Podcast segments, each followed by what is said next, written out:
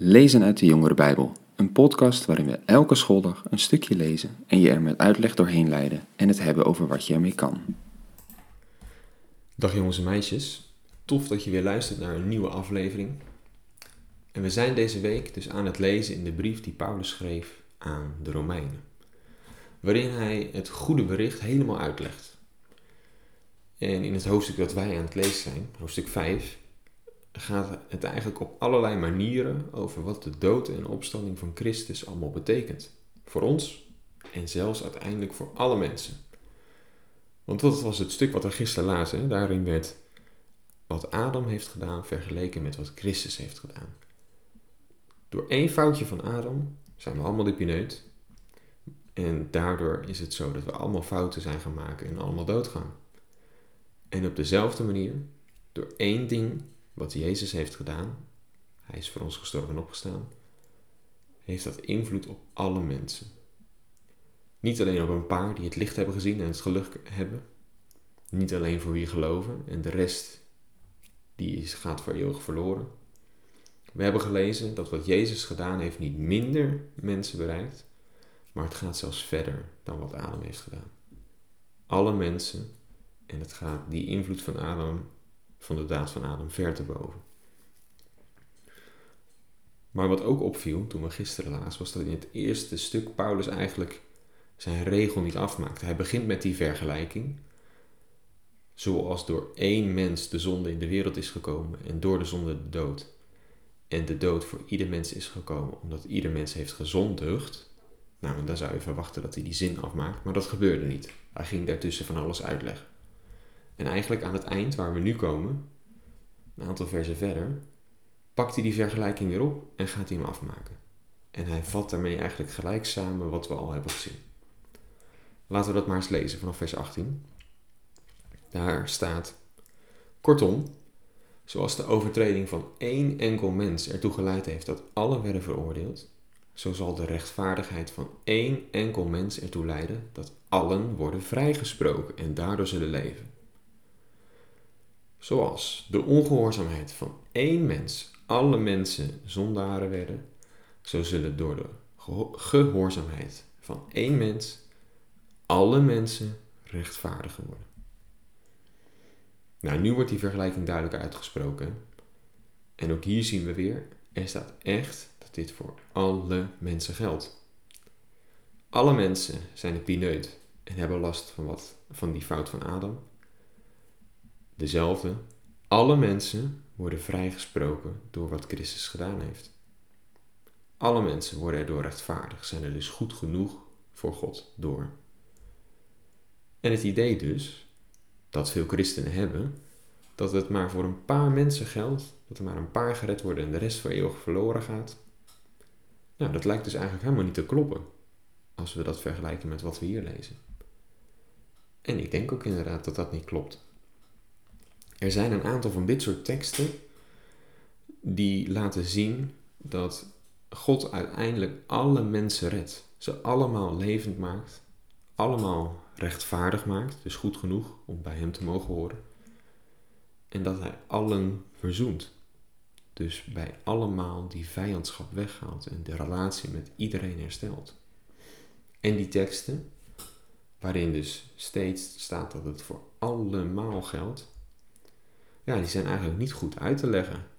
Als je, als je, dat, als je gelooft dat eh, er maar een deel gered wordt. Dat kan je dus eigenlijk best wel mooi uit dit uh, hoofdstuk halen. Maar we dachten er gisteren nog even over na. Normaal is het zo dat we ook zeggen van ja, we geloven en omdat we geloven zullen we straks naar de hemel gaan.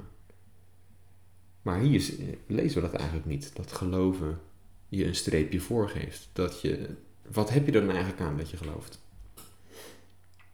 Nou, het is zo. Inderdaad, uiteindelijk zal God iedereen redden. Alle mensen, niemand uitgezonderd. Maar de Bijbel die zegt eigenlijk best wel duidelijk dat als je gelooft, dat je dan eerder bij God mag horen. Dat we dan al eerder naar de hemel gaan, terwijl de ongelovigen, ja, die gaan nog een omweg die zullen voor God komen te staan. Daar zal blijken dat ze het bij het verkeerde eind hadden. En die moeten wachten tot aan het eind. Aan het eind zal God echt iedereen redden. Maar laten we nog de laatste versen van dit hoofdstuk lezen. In vers 20 staat: En later is de wet erbij gekomen, zodat de overtredingen toenamen. Maar waar de zonde toenam, werd de genade alleen maar overvloediger.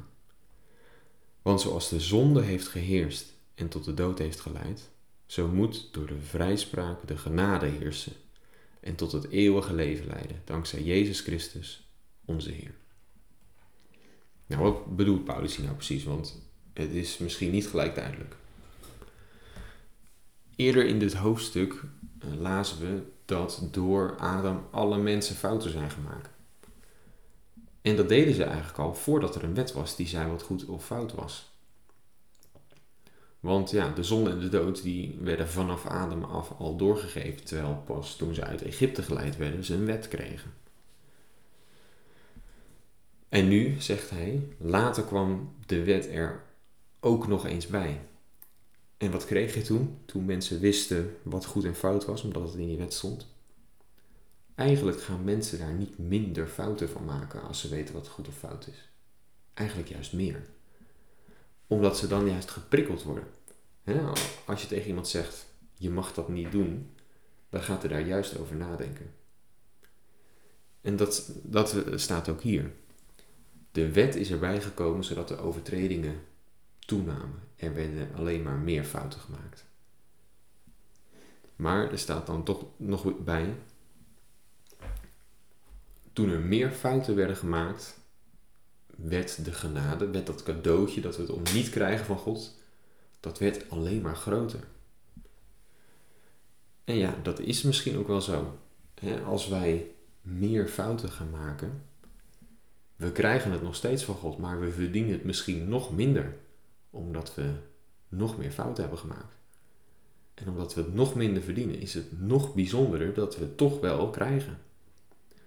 De genade wordt dus alleen maar groter. En ja, als je daarover nadenkt, dan zou je misschien tot een gekke gedachte kunnen komen. Blijkbaar, als ik meer fouten maak, als ik erop los ga leven, dan wordt het cadeautje van God aan mij alleen maar groter. Nou, zou ik er dan niet juist op los moeten leven? Alles doen wat God verboden heeft? En dan ook nog eens een groter cadeau krijgen. Dat ik toch bij God mag horen. Een win-win situatie, toch? Of is dat toch ook weer niet helemaal hoe het zit? Dat is, dat is het stukje waar Paulus eigenlijk morgen, in het stukje van morgen, iets over gaat zeggen. Dit was hem voor vandaag. Dus morgen weer.